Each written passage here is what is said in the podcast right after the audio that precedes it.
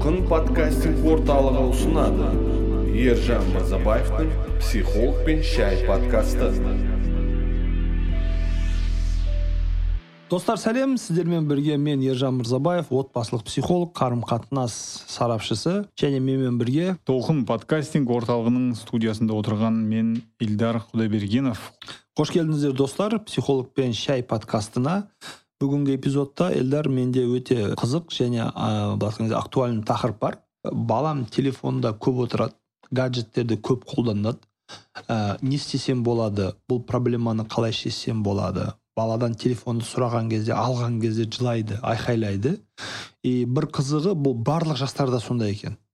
Яғни үш жасар баладағы гаджет проблемасы бар. Сұрасаң а деп жылай бастайды. Он үш он бес жасар баладан да телефонды алып қоямын а деп жылай бастайды.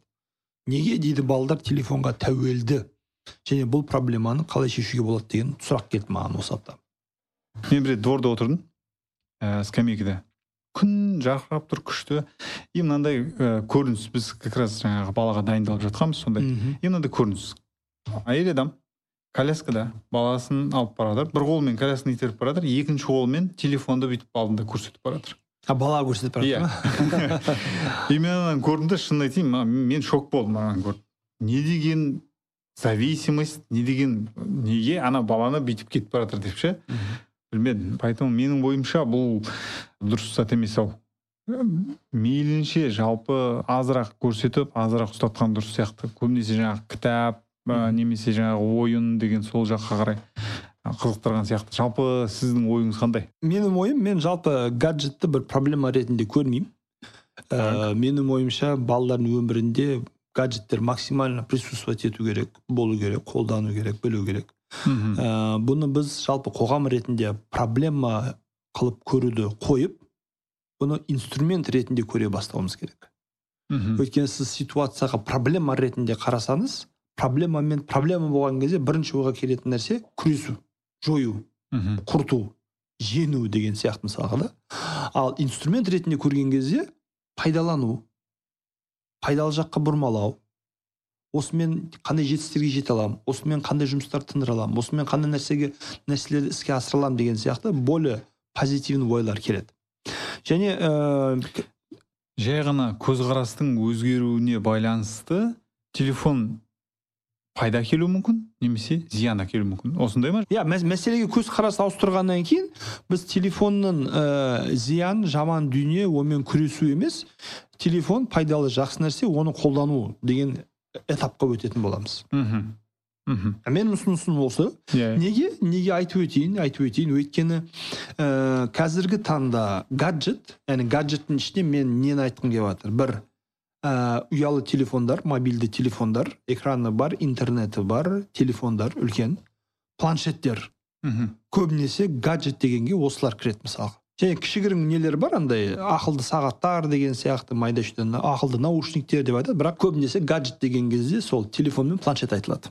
Мхм. Телефондар ұялы телефондар мысалға бұлар біздің күнделікті өмірімізге сіңіп кеткен қажеттілік деңгейіне көтерілген бір дүние. Сондықтан оны мен оны өмірден шығару онымен күресу оны жоюға тырысу бұл адам бойында тек қана стресс оятады тек қана ашу оятады және ешқандай пайдасы болмайды. Мынандай біз бәрібір оны жеңе алмаймыз. мынандай кездер бар. Кішкентай бала екінші үшінші бесінші класс оқитын бала Иә. сабағын оқымай тек сол телефондағы ойын ойын немесе тек сол телефондағы видео видео деп немесе кішкене қол босаса болды далаға барып ойнап келмей. Бірден сол телефонға жабысып отырады немесе далаға шықса да сол телефонда отырады.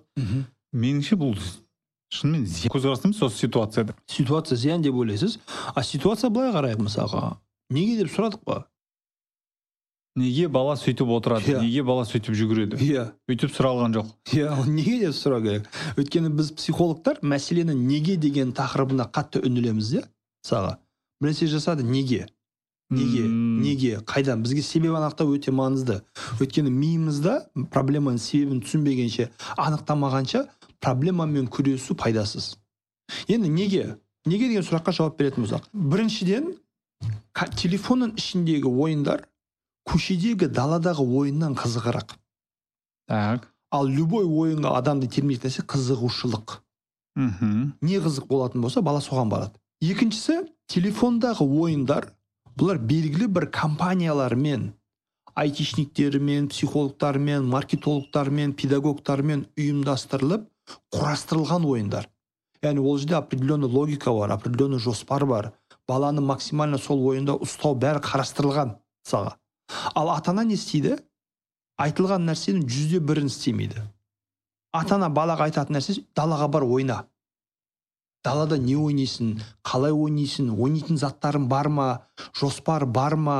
Сіз алпауыт компаниялармен қазір күрес жарысуға мәжбүрсіз міндеттісіз.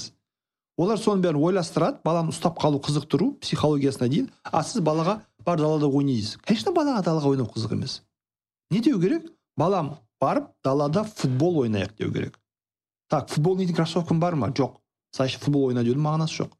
Добың бар ма? Жоқ. Қалай ойнайды бала футболды одан кейін бала далаға барған кезде мысалға кішкентай жасында болады, бас болатын болса ата анасымен бірге ойнау. Үлкенірек болатын болса есік алдында баланың футбол ойнайтын ойын ойнайтын ортасы бар ма? Мысалға біздің кезімізде ә, бізден бізбен жасар кісілер бізден үлкен кісі айтады ол біз бала кезде көшеден үйге кірмейтін едік деп айтатын еді бірақ ондай кездер есіне түскен кезде ә, өкінішке орай мәселенің екінші жағы да бар.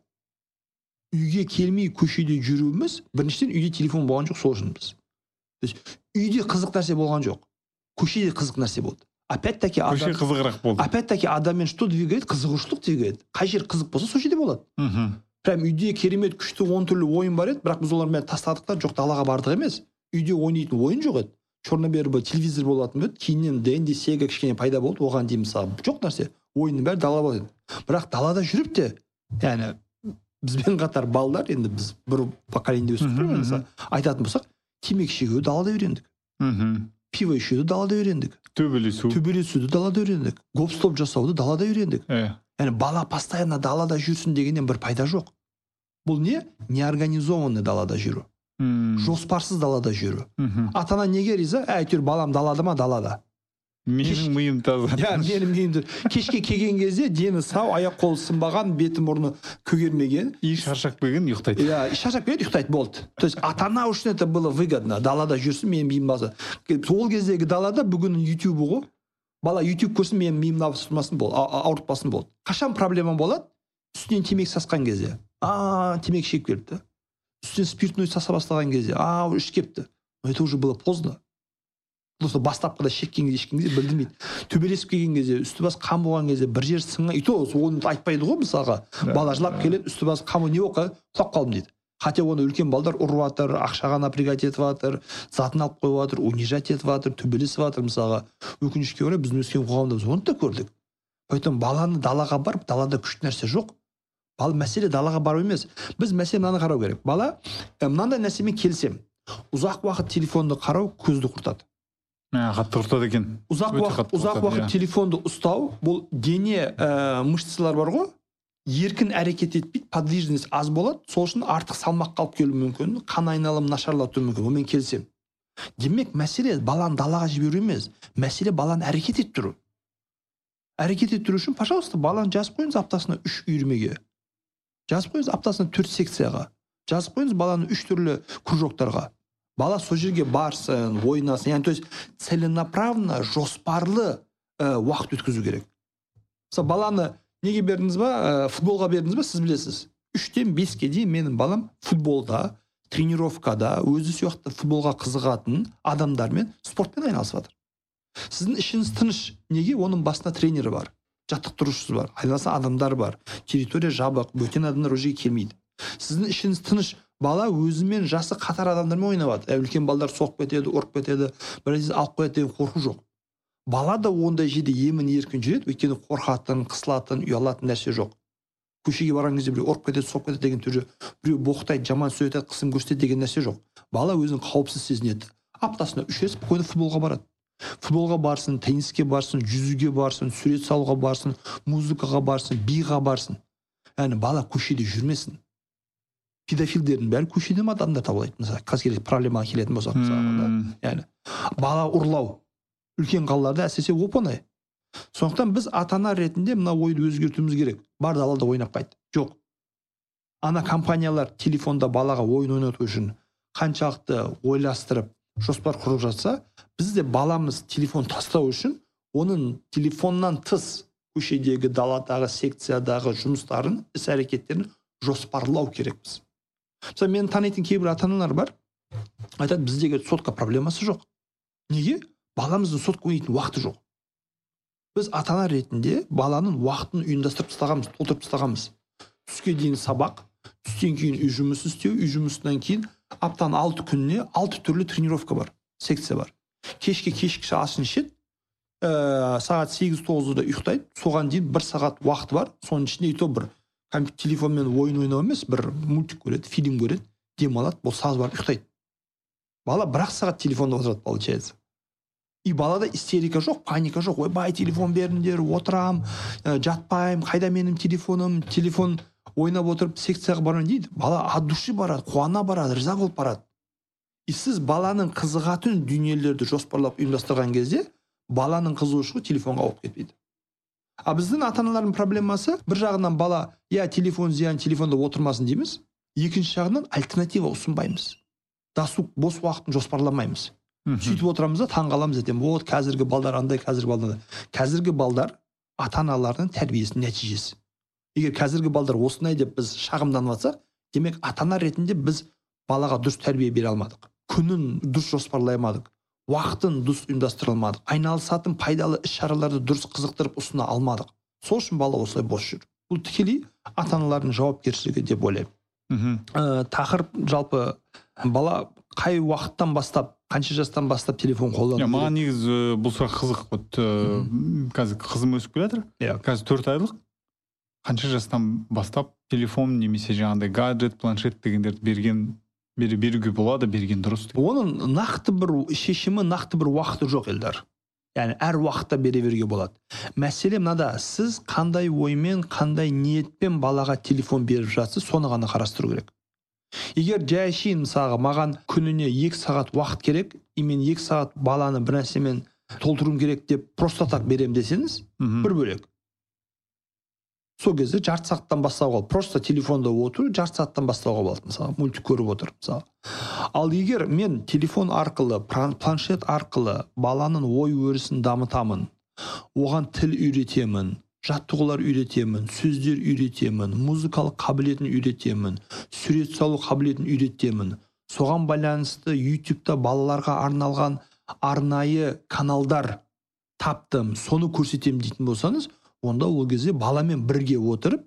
екі сағатта үш сағатта жұмыс істеуге болады. Сондықтан бұл жердегі телефонға планшетке подход қандай контент қандай өте маңызды. Соған назар аудару керек. Ал негізі бала өсе келе мысалға жеті жастан алты жастан бастап күніне екі сағатқа дейін компьютер ойнай алады. Компьютерлік ойын телефонда да ол ойын бар мысалға ойын ойнай алады. Мынаны ұмытпау керек. Ойын ойнау әрдайым баланың ішіндегі бар қажеттілік. Тек қана уақыт өте ойын форматы ойын түрлері өзгереді. Мхм біздің кезіміздегі ойындармен біздің әке шешелеріміз ойнаған жоқ. Біздің кезімізде дэнди сега шыға бастаған кезде ата аналарымыз шошып кеткен болды біздің балдарымыздың деградациясы басталды деп. Құдайға шүкір жасымыз отыз алтыда қатты ондай бір деградировать еттік деп айта алмаймын технология дамып бара жатыр. Олардың балалық шағындағы ойындар мүлдем басқаша болды мысалға. Қазіргі кезде балдардың ойындары басқаша. Бірақ айналып келген кезде әрбір адам бала кезінде ойын ойнағысы келеді ойынға деген қызығушылығы болады және сол ойынға деген қызығушылығын әртүрлі қанағаттандырады. Демек баланың күніне екі сағат спокойно компьютер ойнай алатынын белгілеп қою керек. Одан кейін ата ананың екі сағат ойынды күнделік күніне екі сағат ойын болғандықтан баламен ақылдасып уақытын белгілеу керек. Балам сен бұл екі сағатты қалай қолданғың келеді? бір сағат күндіз бір сағат кешке ма жарты жарты сағаттан бойы күніне төрт рет па? Немесе бәрін жұмыстарды тындырып кешке асықпай отырып екі сағат ойнаған келеді ма? Өзің таңда өзің біл деп соған қарап келісіп алу керек. Бірақ шынымен ол баланы өзі жоспарлау керек. Жауапкершілік алып мен осындай уақытта осынша ойнаймын деген сияқты. Бірақ күніне екі сағат ойнау лимитім бар деп ойлайды. Мынандай нәрсе бар. Біз танымаған нәрсеге дұшпан боламыз. Иә рас. И көп ата аналардың гаджетке телефонға балалардың телефонмен көп отыруына осындай негативный реакциясы ол ә, адам психологиясы сатсыздықтан яғни мына гаджеттің қыр сырын білмейді қалай қолдану керек екенін білмейді настройкаларын білмейді ішінде не бар екенін білмейді бала не ойнап жатқанын білмейді сөйтіп білмеген нәрсеге автоматически дұшпан ретінде қарайды негативно қарайды отрицательно қарайды. Бұл дұрыс емес. Біріншіден біз қазіргі цифрлық сауаттылыққа байланысты түрлі курстар бар. Әрбір ата ана сол курстардан минимум өтіп жалпы баланың телефондағы мына баланың қолындағы телефон деген гаджет деген дүние не? Схемасы қандай? Методикасы қандай? Қалай жұмыс істейді? Соның барлығын настройкаларына дейін білу керек. Ә, білгеннен кейін ата құрметті оқырмандар мынаны ұмытпаңыздар. Әрбір ә, телефон компаниялары болсын ойын компаниялары болсын одан кейін түрлі ә, алпауыт IT компаниялар болсын бұлар адамның дұшпаны емес. Яғни мысалға там айфон шығарған адамдар айфонды шығарып адамдарды бір құртайын деген ой ниеті жоқ. Ол тек қана адамдардың қолына инструмент беріп жатыр құртылып құртылмау біздің орнымызда. Мысалға там YouTube деп айтайық ютуб шығарған кезде адамдардың бәрі азаннан кешке дейін видео көріп деградировать етсін деген ниеті жоқ.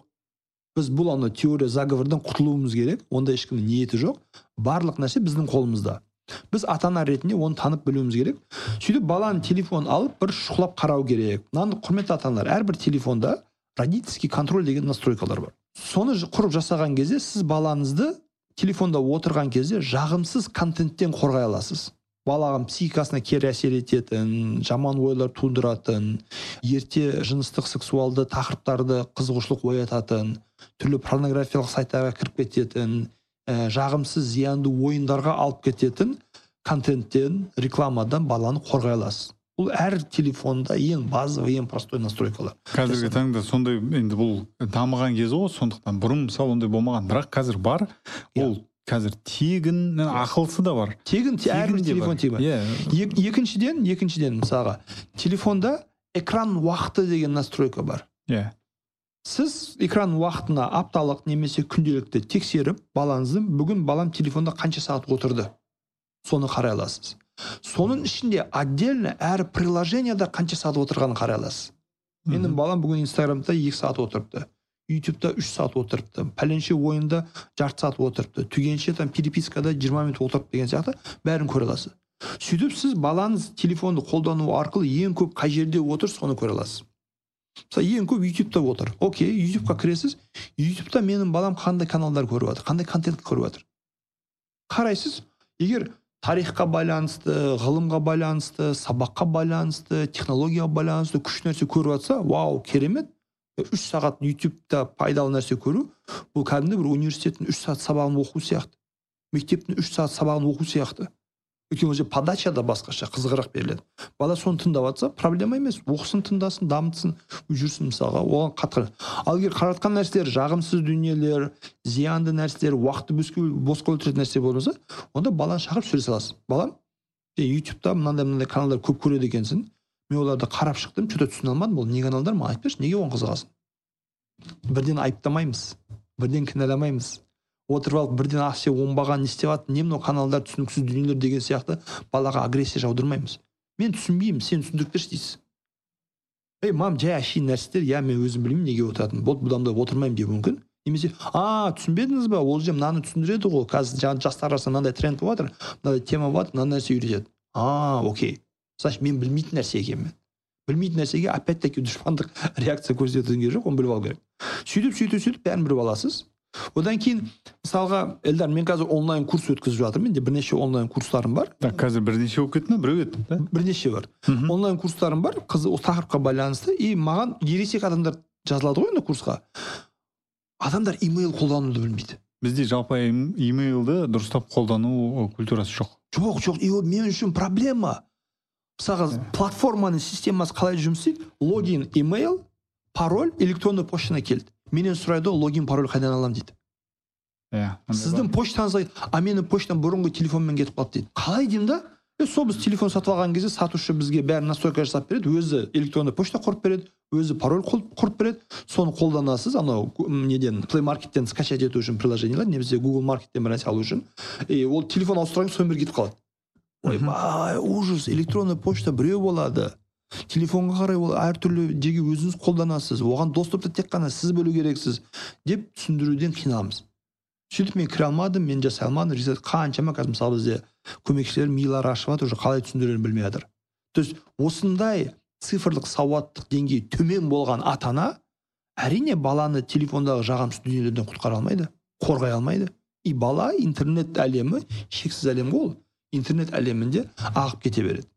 Сондықтан біз егер баламызға өзіміз білмейтін танымайтын нәрселерді запрет қоя беріп баламен қарым қатынас құртудың керегі жоқ қайтаға осы бағытта сауаттылығымызды арттырып білімімізді арттырып баламен тең дәрежеде оны жағымсыз дүниелерден қорғайтындай қарым қатынаста болуымыз керек деп ойлаймын.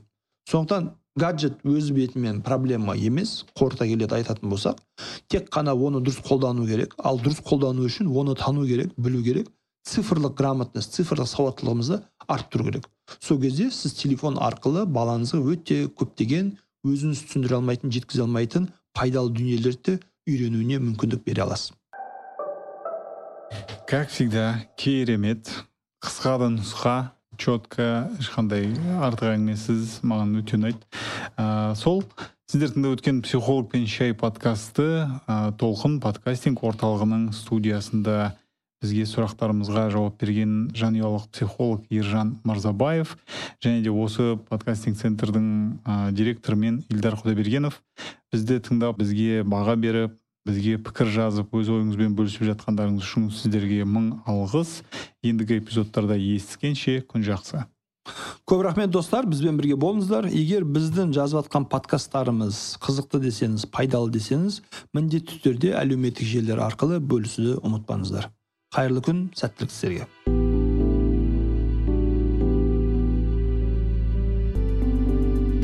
толқын подкастинг орталығы